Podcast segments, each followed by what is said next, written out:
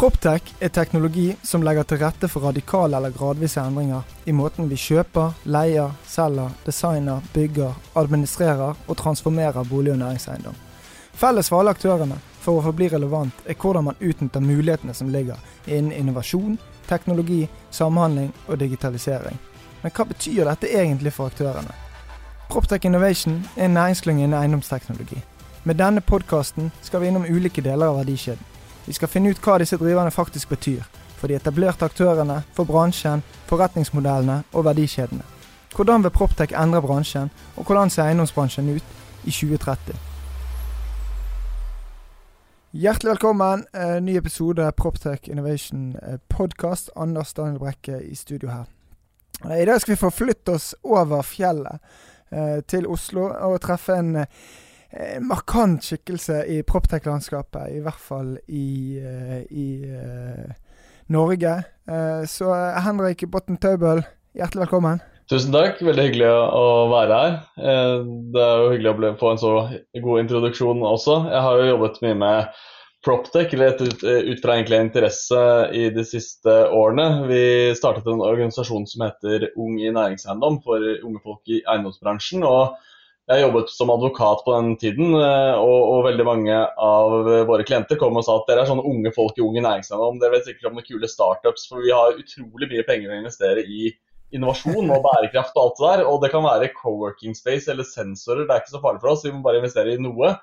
Eh, og så um, ja, kjente jeg bl.a. Håvard i Spacemaker og noen av de, og prøvde å matche noen av våre klienter med, med, dem. Men etter hvert så ville de jo ha mer, og da møtte jeg Anders Mjåseth, som driver Mesh, eh, som er et veldig stort co-working space her i Norge og i Norden, for så vidt, eh, og sa at vi har så mange investorer som har lyst til å investere i startups og tech, men de aner ikke hva de skal investere i. Og Anders sa at vel, jeg har en enorm Proptech eh, altså Jeg har en enorm base med startups som ikke har noe funding, så her er det en optimal match. Og Så begynte vi å matche folk eh, fra det.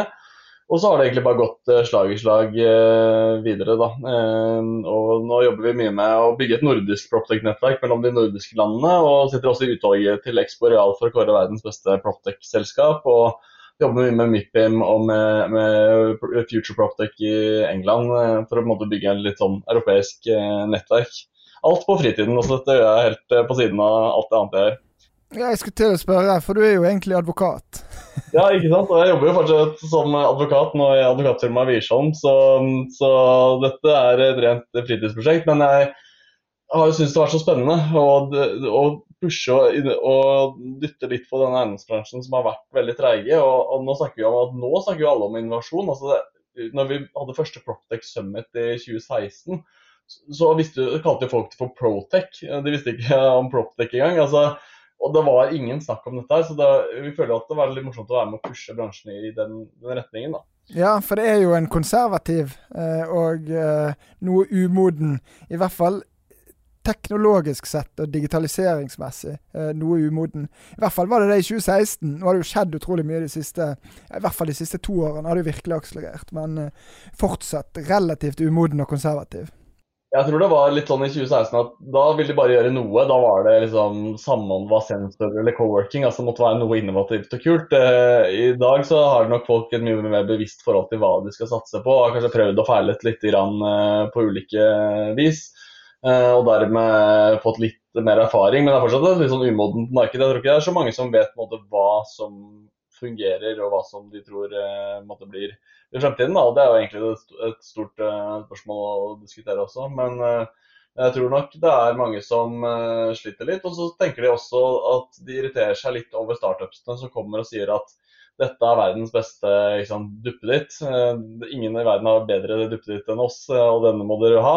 Og så sier de ja, hva kan jeg bruke den til? Ja, du må bare utvikle din egen software, og så kan du bare kjøre dette her i bygget ditt. ikke sant? Og da sitter en stor eiendomseier og sier at ja, men jeg, jeg, kommer aldri til å utvikle min egen software, kan ikke bare fikse det for meg? Og så, og så blir det litt sånn vanskelig, da. Eh, så jeg tror nok eh, det har blitt en sånn realisasjon for mange i Proptech-miljøet også om at de må eh, ta eh, og, og, gi dem hele løsningen, og ikke bare liksom en del av løsningen. Eh, jeg tror det er viktig. altså Man må se hvilke problemer er det eiendomsbransjen har, og så prøve å løse dem fullt ut. Og heller ta ekstra betalt for det. og Det tror jeg det er betalingsvillighet for også. Men jeg ser jo for meg at veldig mange av disse ikke ønsker å liksom, gjøre deler av teknologisk utviklingen oss da? ja, det tror du har veldig rett i òg. Og det er blitt en sånn greie om at man snakker om åpne API-er. Men en ting er at API-ene er åpne, en annen ting er jo kompetansen og hvordan benytte seg av det. Og hvordan sørge for at det faktisk skaper noe reell kundeverdi. Eh, og, og, forhåpentligvis eventuelt at det effektiviserer eller skaper noe verdi for for selskapene sjøl. Eh, men du har helt rett, og det er jo liksom disruptive technologies som jeg er veldig glad i og veldig begeistret for. Men det var jo nesten så du oppsummerte de. Altså De skulle lage verdens beste sensor, de. Og så var ikke så nøye hvordan vi i bransjen Vi måtte jo bare skjønne sjøl hvordan vi skulle få verdi i, av disse fantastiske sensorene deres. Eh, så der, eh, det har vel tiden vist at det var ikke Der var bransjen for treg og for konservativ. Men eh, ja. Også litt i min tid eh, jeg har eh, vært eh, en annen jobb også. Jeg var direktør i WeWork i Norden og Baltikum og Nederland. Og, og, mye ble skrevet om WeWork opp og ned om finanser og ting som gikk bra og dårlig, og Adam Neumann osv. Men, men det var jo et veldig fascinerende forskningsteam i WeWork eh, som drev med måte, utvikling og forskning. Og dette var jo, sto jo også åpent i dette IPO-memoet som alle slaktet. Eh, men det sto en ting som ingen alle overså for og det var at det er 1000 mennesker i WeWork som jobber med data science, da, data research. Og Det var liksom ingen som bet seg helt merke til, men internt så var jo en av de tankene deres da, var jo det at hvis Facebook har verdens største datasett for hvordan du opptrer online, hva hvis du hadde hatt verdens største datasett for hvordan du bygger, drifter og bruker eiendom? da? Og så begynte jeg å spørre deg, men det må jo noen ha. Så tenkte jeg, og så begynte jeg å se på liksom, de største utviklerne i, i verden. og sånn, De største utviklerne i England de hadde jo ikke De gikk jo bare tilbake til de fem siste prosjektene sine og så på hva de hadde gjort, og brukte verdens beste arkitekter og alt det der. Men, men de visste jo ikke hvor mange stoler du skulle ha i et rom, eller hvilke farger du skulle være på dørene, eller liksom alle disse tingene her. da, Og det hadde WeWork et veldig interessant eh, forhold til. da, eh, Og det som var i forhold til ditt poeng med med eh, det å innhente data og skape merverdi, så var jo læringen fra WeWork sitt system da, det var jo at de, I begynnelsen var det sånn vi er veldig innovative og Proptech-vennlige, og vi skal ha sensorer overalt og måle alt mulig begynte med det, og så fant vi ut at ja, men hvis ingen sitter på andre siden og mottar dataen og analyserer den, hva skal man med det? Hva skal du med en analyse av hvor mange folk som går inn i bygget ditt inn og ut hvis ingen gjør noe med det? Og det var det man gjorde etter hvert, da, hvor man skala litt tilbake på det her. Og så tenkte man at vi kan jo ikke sitte og holde på å innhente masse data utover personvernsproblemer også, som, som også kostet veldig mye mye penger. Eh, så, så, man må jo ha noen til å analysere den dataen og gjøre noe med det. Og det forskningsteamet da gjorde, var isteden å si ok, la oss se på disse 50 bygningene her. da. Eh, hva er det som egentlig gjør et godt inngangsparti? Eller hvor vil folk egentlig ha pauser? Eller hvilke farger er det egentlig som funker på veggene? Hvilken bredde skal du ha på gangene? Og så begynte man å forske på sånne helt sånn spesifikke temaer. da. Og det var liksom et par som var veldig interessant. da, hvor de hadde f.eks. så på hva slags pausesone vil folk ha. og Så svarte folk på en spørreundersøkelse. 100 000 mennesker svarte liksom jeg vil ha lounge og peis og TV og aviser og sånne ting. Eh, og så eh, testet man da med varmesøkende kameraer i utvalgte bygg over en periode hvor folk egentlig tok pausene sine. Og så viste det at nesten alle tok pausene sine i kjøkkenarealene, og nesten ingen tok pausene sine i disse loungene. Men folk trodde at det, det, var det de ville ha. ikke sant? Men de så for seg et scenario hvor de var hjemme i stua si og, og slappet av. Men på jobben så, så, blir det litt annen setting. Og folk tok like mye pauser som det man trodde. Men de tok alle pausene sine i disse kjøkkenarealene. Og da bygde WeWork en sånn slags kjøkkenøy som kommer inn til høyre hver gang det går inn i en WeWork, eh, hvor folk ubevisst tar liksom pausene sine. Og man samme sammen med fargebruk i, byggene. altså Man, man på, spurte folk hva slags farge liker du, og så sa folk jeg liker blå og rød og, og sånne typer farger. Og så testet man folk med VR-simuleringer av WeWork, og så hadde man på hjerneskannere som målte hjerneaktivitet. Og så så man at det folk, fargen folk egentlig likte, var sånn dus gulfarge. Eh, det var den du ble egentlig avslappet av. Sammen med noen planter så var det sånn det det beste, mens, mens folk svarte jo sånn koboltblå og rød. ikke sant? Mm da fant man sånne ubevisste ting. Og det siste eksempelet var det at de forsket på et utrolig stort eh, utvalg av bygg eh, for å finne ut hvor brede bør gangene være for å optimalisere antall vennskap i bygget. Og, og da hadde jeg et enormt forskningsteam som fant ut at som vi sa, en viss type bredde på gangene, så får du maks antall vennskap i bygget. Og det handlet om at hvis du har en viss bredde, så sier folk hei når de går forbi hverandre i trapper og i ganger. Er den for bred, så unngår folk blikket til hverandre. Er den for smal, så, så blir det, føles det ukomfortabelt. Og det testet de på mange folk. Men poenget med alle disse tre tingene er jo at det var jo prosjekter over en viss periode. Ferdig med prosjektet, nytt prosjekt, så gjør man noe helt annet. Og så kanskje man kommer tilbake om tre år og sjekker dette, om dette stemmer, eller man går inn i ulike land og ser på kulturelle forskjeller eller andre ting. Men, men, men, men eh, man trengte faktisk ikke å ha konstant overvåking og sensorer overalt for å finne ut av disse innsiktene. Og forretningsideen var det at hvis du har tatt, Dette var tre ting. Da, men tatt titusenvis av sånne mikroinnsikter. Hvis du har det og kan selge det videre til uh, svære firmaer, da, sånn som man for så vidt begynte litt med, så, så hadde jo det en enorm egenverdi. Så datasettet i WeWork hadde jo mye større verdi på sikt da, enn co-working space. Uh, og det tror jeg nesten ingen så da, utenfra. Og Softbank, som tok over nå og spytta inn 100 milliarder kroner for å ta over 80 eh, de har ikke kutta noen ting i research. De har kutta alt, altså community og alt du kan tenke deg. Og det er sånn 8000 mennesker som har gått eller sånt, men ingen fra research-teamet. Så det liksom, sier jo litt om hva Softbank også tenker, da, om verdien av det. Mm. Ja, det er superspennende case. For det blir jo Med den skaleringen og den altså, eh, globale eh, reachen som man fikk, så får man jo et helt ekstremt uh, datagrunnlag. Mm. Og da blir jo man en sånn klisjé, da, men at vi antar antatt innsikt versus reell innsikt. Og antatt innsikt er at hvis du spør noen hvor vil du ha pausene dine, så vil de sitte ved peisen. Mens uh, jeg vil jo tro at noe så enkelt som et eller annet psykososialt om at du har for, for, for, dårlig samvittighet av å sitte ved peisen, derfor står du heller på kjøkkenet. Og da kan du forklare det ved at du drikker kaffe med kollegaen. Sant? At det blir for langt vekke. Så det blir liksom en forskjell mellom reell innsikt og og antatt innsikt, som er ganske interessant.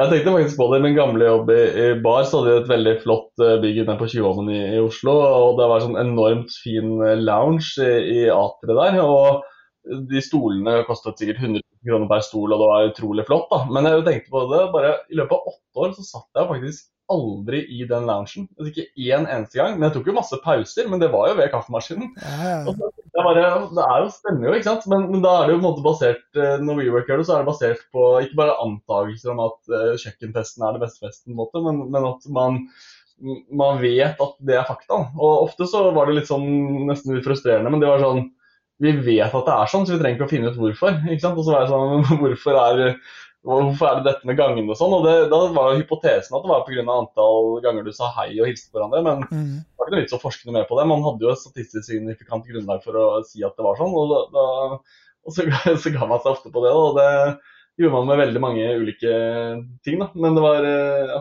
utrolig spennende måte å tenke på. da. Så jobbet man jo da med parametrisk design. altså vi, Når vi satte opp bygget vårt på 20-åren, så da var det jeg synes det så fint ut, sånn som det var med vegger og inndelinger og sånne ting. Og så gikk det gjennom en sånn dataprosess, og så bare kom det et sånn helt nytt forslag da, hvor alt var revet og strippa og sånn, men det så helt annerledes ut.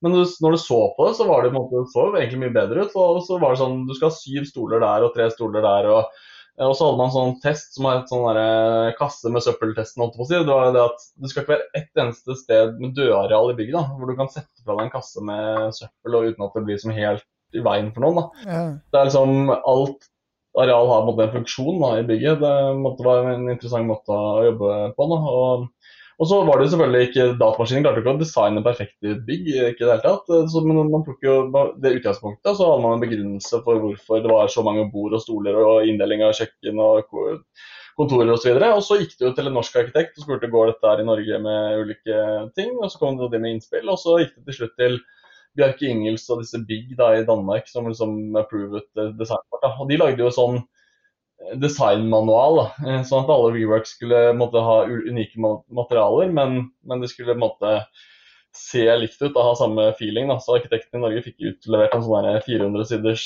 eh, dokument fra Bjarke Ingels om sånn burde være, sånn cirka. Og så, og så ble det godkjent etterpå. Men, men, så parametrisk design kan nok ikke løse alt designet. Alt det er litt sånn Spacemaker sin mm. utfordring da. Kan kanskje ikke ut, erstatte arkitektene, men det kan være et godt verktøy for arkitektene. Og samme med rework når man bygde på innsiden. Man kan jo sette opp bygg på den måten der, men man kan nok ikke erstatte norske arkitekter og interiørarkitekter med det første. Eh, men det gir dem et veldig godt grunnlag for de beslutningene de skal ta.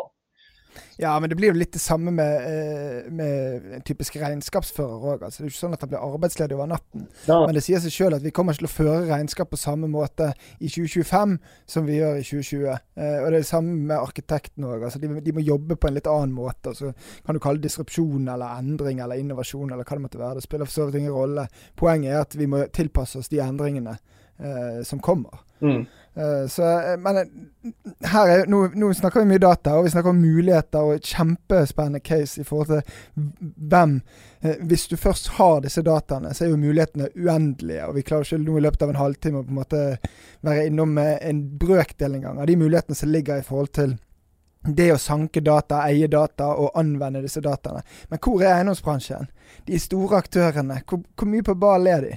Jeg tror ikke de er her. og Det, det er to sider. da. Altså, vi, jeg jobber jo litt med Construction City, som er sånn Obos og AF og en del andre større aktører i Oslo, eh, om nettopp eh, å se om man klarer å dele stordata mellom ulike st store bedrifter i Norge. da.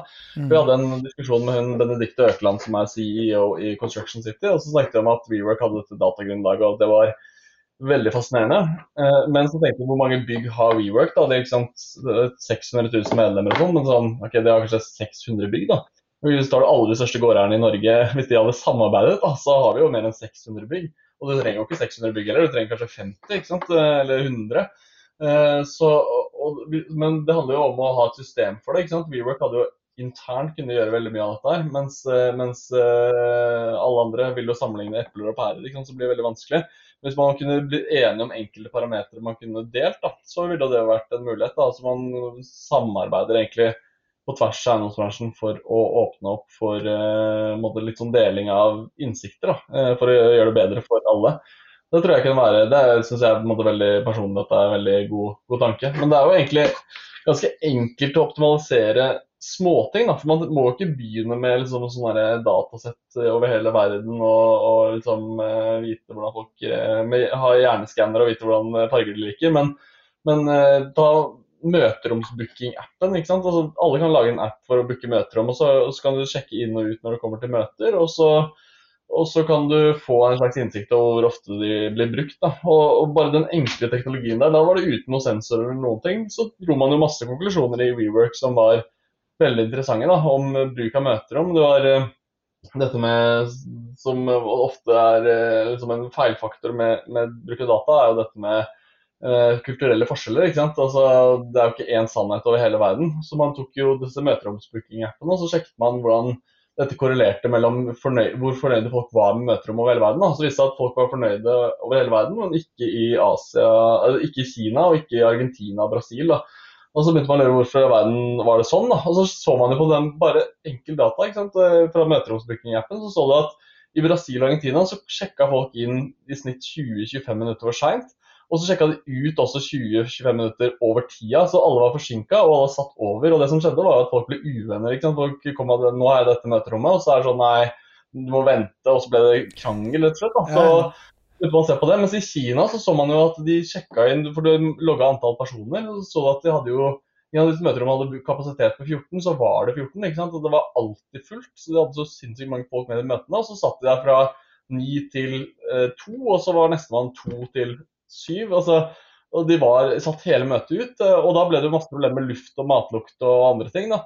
Og Da tok man jo bare den eh, enkle innsikten der, og, og i Kina så, så, så, så, vurderte man da skal man liksom be de i Kina om å ta med færre folk, og de i Argentina og Brasil om å skjerpe seg, eller hva skal man gjøre?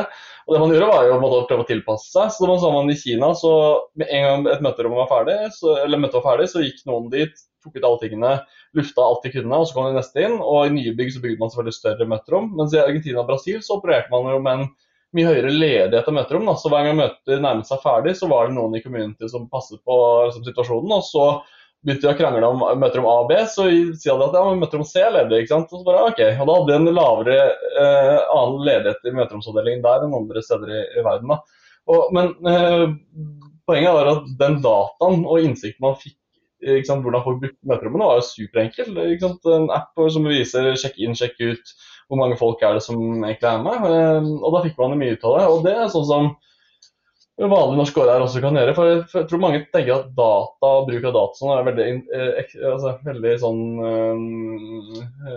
veldig teoretisk holdt jeg på å si. Mens det handler jo egentlig bare om å bruke innsikter om sitt eget bygg. da. Finne ut hva lurer jeg på. Jeg lurer på om føles ut som vi alltid er tom møteromsavdeling. ikke sant? Har vi altfor mange møterom?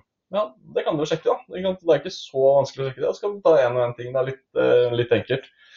Så jeg tror det er å begynne med noe smått. Uh, og Vi snakket også med han Roloff Opperman i Fifth Wall, som var i Oslo nå forrige uke. Som driver verdens største sånn investeringsfond. Og så spurte han egentlig hva er ditt tips da, til liksom, en eiendomseier som skal ut i markedet og gjøre et eller annet. da. Det han sa var jo at det beste er jo å starte med en eller annen enkel easy win. ikke sant? Du må få til et eller annet som funker og som blir en suksesshistorie i bedriften. altså som, som, gjør livet bedre for alle.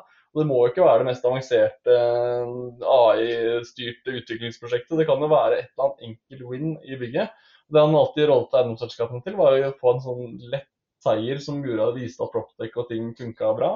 Og så kunne man liksom bli mer avansert etter hvert. Da. Eh, men det handler om å bygge opp litt sånn selvtillit og kunnskap eh, også. Jeg er 100 enig. Og I hvert fall for de store, modne aktørene som gjerne har levd i 50-60-100 år. Så må man begynne i det små. Man, for man må jo alltid berettige at, at man skal bruke tid og ressurser på dette. Så da er man avhengig av å få de win etter hvert. Så det tror jeg er et veldig godt poeng. Eh, og så tror jo jeg personlig at de store vinnerne i fremtiden er jo de som klarer å anvende den dataen på best mulig måte. Eh, klisjeen om at dataen i oljen, eh, ja det kan godt være det. Men eh, jeg tror de som skal tilpasse seg og være mest relevante overfor kunden i fremtiden, det kommer til å være i mye større datadrevet enn det det er i dag. Om det er om fem år eller om ti år, det tør ikke jeg spå, men vi kommer i hvert fall til å komme dit. Det er jeg helt skråsikker på. Mm. Det er litt sånn du, du, drifter et bygg, og så vet du ikke hvordan bygget optimalt skal brukes. og Du har ikke noe, data, du har ikke noe kunnskapsgrunnlag for det. Du har en erfaring og en gut feeling. Da. Men sånn som mange andre bransjer hadde tidligere, og så har de blitt mer digitaliserte. og Samme med eiendom. Du vet sånn cirka hvordan du skal drifte et bygg, og du har jobbet masse god erfaring, og du skal gjøre et nytt prosjekt, og du har masse erfaring fra prosjekter. Men, men det er litt sånn som Spacemaker. At en arkitekt kan tenke på på 50-60 eh, ulike måter å planlegge et bygg på. Eh, og så tegner du ut kanskje to eller tre, og så, og så gir du et måte, skisseprosjekt. Mens, mens Spacemaker har en sånn algoritme som tenker ut ti millioner eh, kombinasjoner av hvordan du kan utnytte tomten på. Og så velger arkitekten de beste og jobber videre ut fra det. Men de, den realisasjonen jeg har fått med sett sånne produkter som Spacemaker som driver med måte, kunstig intelligens og tidligfaseutvikling, er jo det at det, det, kommer jo opp ting som altså, Når du ser det, så tenker du at det er så enkelt, ja, sånn kunne jeg gjort det. Men du hadde ikke tenkt akkurat den formen eller kombinasjonen selv. Eh, det handler liksom om å bruke verktøy til å optimalisere sin egen eh, ytelse. Eh, og det er sånn, sånn Du er rågod på å bygge bygg i sentrum av byer liksom, og har jobbet med det i mange år, men, men det, det, er kanskje muligheter du ikke ser også. og det, det kunne man jo visst hvis du hadde sett at vi har bygd altfor mye møterom i de 20 siste prosjektene våre, og, og leietakerne har alltid tomme møterom. Kanskje vi skal bygge halvparten av størrelsen på møteromsavdelingen her, og så gjøre noe annet. Og så får vi utleiebært areal isteden. ikke sant? Da tjener du penger. Eh, men du vet jo ikke det. ikke sant? Du, du går jo aldri til leietakerne og sjekker om det er for mye møterom. eller liksom, ja, det gøye er jo sånn empiri, eller uh, forskningen viser sånn oppimot 60% av kontorplassene står tomme i kontortiden. Ja, og så sitter, sitter, du som utleier og så, eller byggeier og så tenker nei, det er nå ikke på mine bygg. Det er jo en sånn klassiker. Ja, ja, men hvor er de, da? De som ikke er her. Det, det, er jo bare sånn det er. Ja, og Det er en spennende diskusjon også det om hva som blir fremtidens kontor. da. Det er jo også interessant når Telenor og andre snakker om at alle skal sitte på hjemmekontor. Eh, så er det interessant å se hvor mye det blir brukt fremover. Det synes også har vært mye diskutert. Da. Jeg tror jo folk trenger et fysisk plass å møtes, eh, men kanskje at man eh, tilrettelegger for en økt fleksibilitet. da. Typisk at man er på jobb mandag til onsdag, så er man hjemme torsdag og fredag, eller at man, man gjør andre ting. da. Men jeg snakket jo med en gårdeier som sa at når folk snakker sånn, da, så si at én dag i uka er hjemme, da, men da da er bruken også 20% mindre på alle byggene. Da. Altså, si at de får behov for 20% mindre arealer etter hvert. Da. Det er 20% mindre de klarer å leie ut. Altså, det er jo helt sinnssykt uh, hvor mye det slår. Så, så, så, de var litt sånn nervøse. de så bare optimalisere ja, med 20% da, si at vi skal ha 20 mindre i snitt, så har jo de et kjempeproblem. ikke sant? Så, så det er jo interessant å se hvordan det utvikler seg. Ja, og det kan jo òg påvirke at uh, vi må bygge, begynne å bygge private hus og boliger på en annen måte. Fordi at det må være mer tilrettelagt for at de 20% skal dekkes inn. De skal jo fortsatt sitte en plass. Men alle kan jo ikke ha hjemmekontor mandag og fredag. Uh, så det blir spennende å se hvor, uh, hvor vi lander. Men at det kommer til å skje endringer der, det er jo udiskutabelt. Ja, ja. ja, ja. Men uh, fortell litt om uh, Proptech-miljøet i, uh, i, Oslo og Norge og rundt det du holder på med. da. Jeg syns det, det, blomstrer veldig i Oslo nå. Det, vært, det var liksom Spacemaker og Disruptive og Airthings og en del av de som dere også forstått av, men som også som har måte, gjort ganske mye, som har gjort, vært litt sånn suksessstory internasjonalt. Og nå er det jo veldig mange flere selskaper. altså jeg mener Bare for tre-fire år siden så kalte disse selskapene som nå er Proptech, de kalte seg for uh, startups. Mm. Så nå er det blitt Proptech, og det er blitt en bevissthet rundt det. Og så har man samlet et slags miljø og en kjerne av folk som driver med Proptech. Og da hver gang det kommer nye selskaper opp som driver med noe innen eiendom, så ender det liksom inn i et slags sånn Proptech-miljø hvor de kan dele erfaring med andre som driver mye av det samme. Så det syns jeg har vært veldig bra. Men jeg snakket jo med en som driver Proptech Baltics, altså Balticums uh, ja. svar på oss. Og, og, hun sa jo det til oss at uh, hvorfor kaller dere egentlig sånn Proptech Norway og Proptech Sweden og sånne ting? Det er ingen som bryr seg utenfra. Altså, det må jo være sånn Nordic Proptech. Altså, det er ingen som bryr seg om jeg er fra Estonia eller Litauen. Altså, det er jo uh, Baltic, så derfor kalte vi oss Proptech Baltic. Ja, godt poeng. Og dere burde jo vært Proptech Nordic Proptech eller et eller annet sånt begynne å tenke på det, det var jo egentlig et godt poeng. Altså, de UK og sånn bryr seg ikke om de investerer i Oslo eller Bergen eller eh, Stockholm eller uh, Kjøben. Altså, så lenge produktet er godt, og, og liksom, så er det en ganske likegyldig.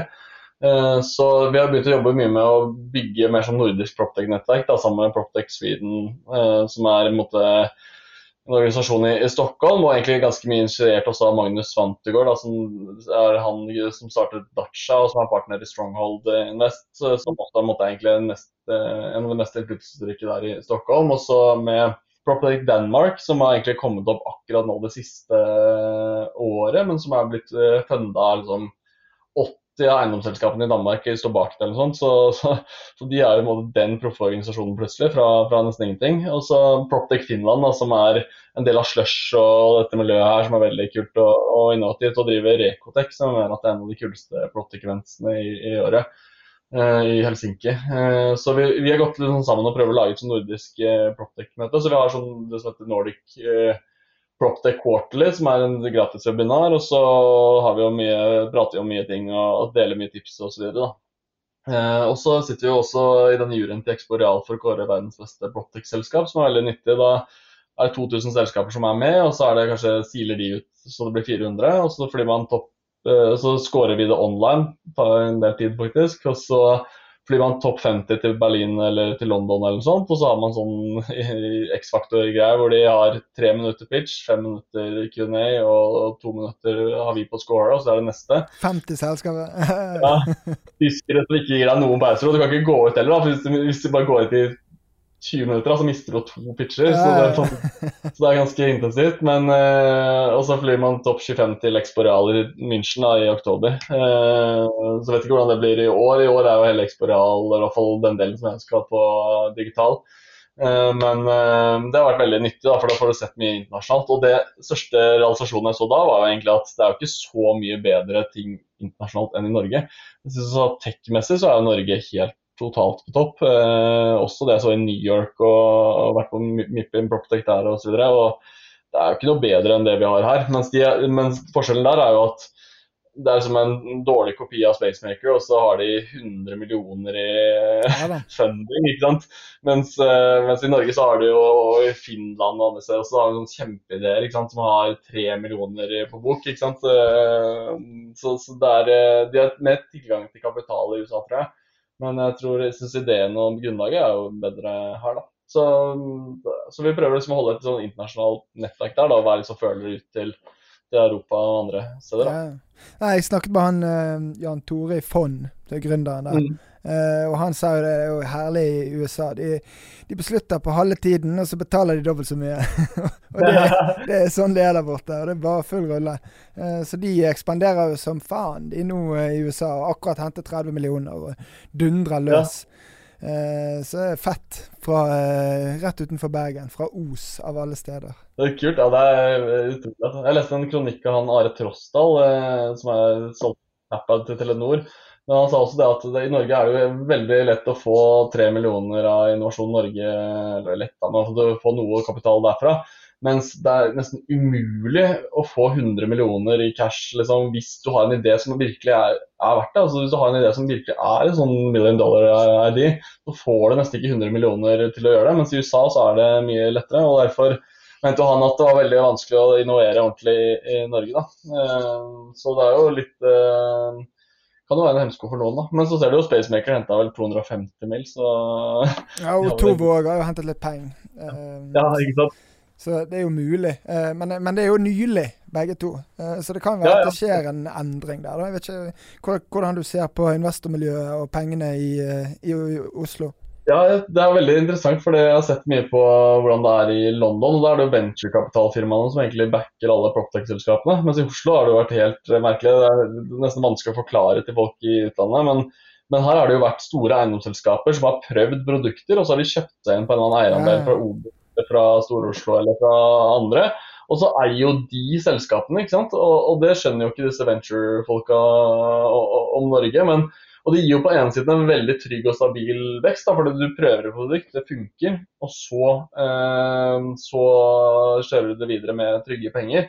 Eh, men selvfølgelig disse eiendomsselskapene har jo ingen måte, store ambisjoner om å scale selskapet til å bli kjempestort. sånn, altså De har en måte sånn grei interesse og bare måtte være med og lære og sånne ting. Så, så, det er jo greit for å starte, men det er veldig Det er kanskje ikke du får skalert på samme måte. Eh, men det er interessant å se hvordan miljøet er her. Og jeg tror jo, Vi ser jo flere venturefond nå som ser på Norden. altså Fiftwall var jo her på torsdag, og vi ser jo altså, flere fra Danmark og fra andre steder og fra overalt eh, begynner å se på Norden, for de ser at det er lavt prisede selskaper med sinnssykt bra teknologi. Så mm. liksom de, de, det, er, eh, det er egentlig, Du finner ikke noe bedre enn det, men det, det, viktig, men det vanskeligste for dem er å finne hvilke selskaper skal du da satse på.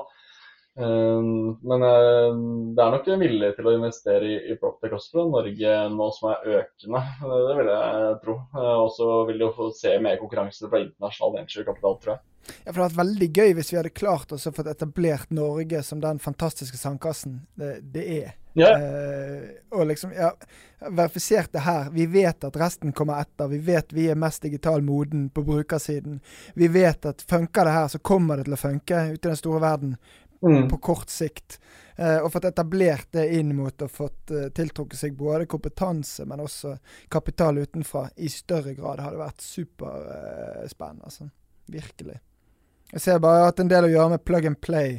Og de har jo kjørt dette her Real Estate Tech, Smart City-vertikalen sin ut fra Paris og uh, Silicon Valley.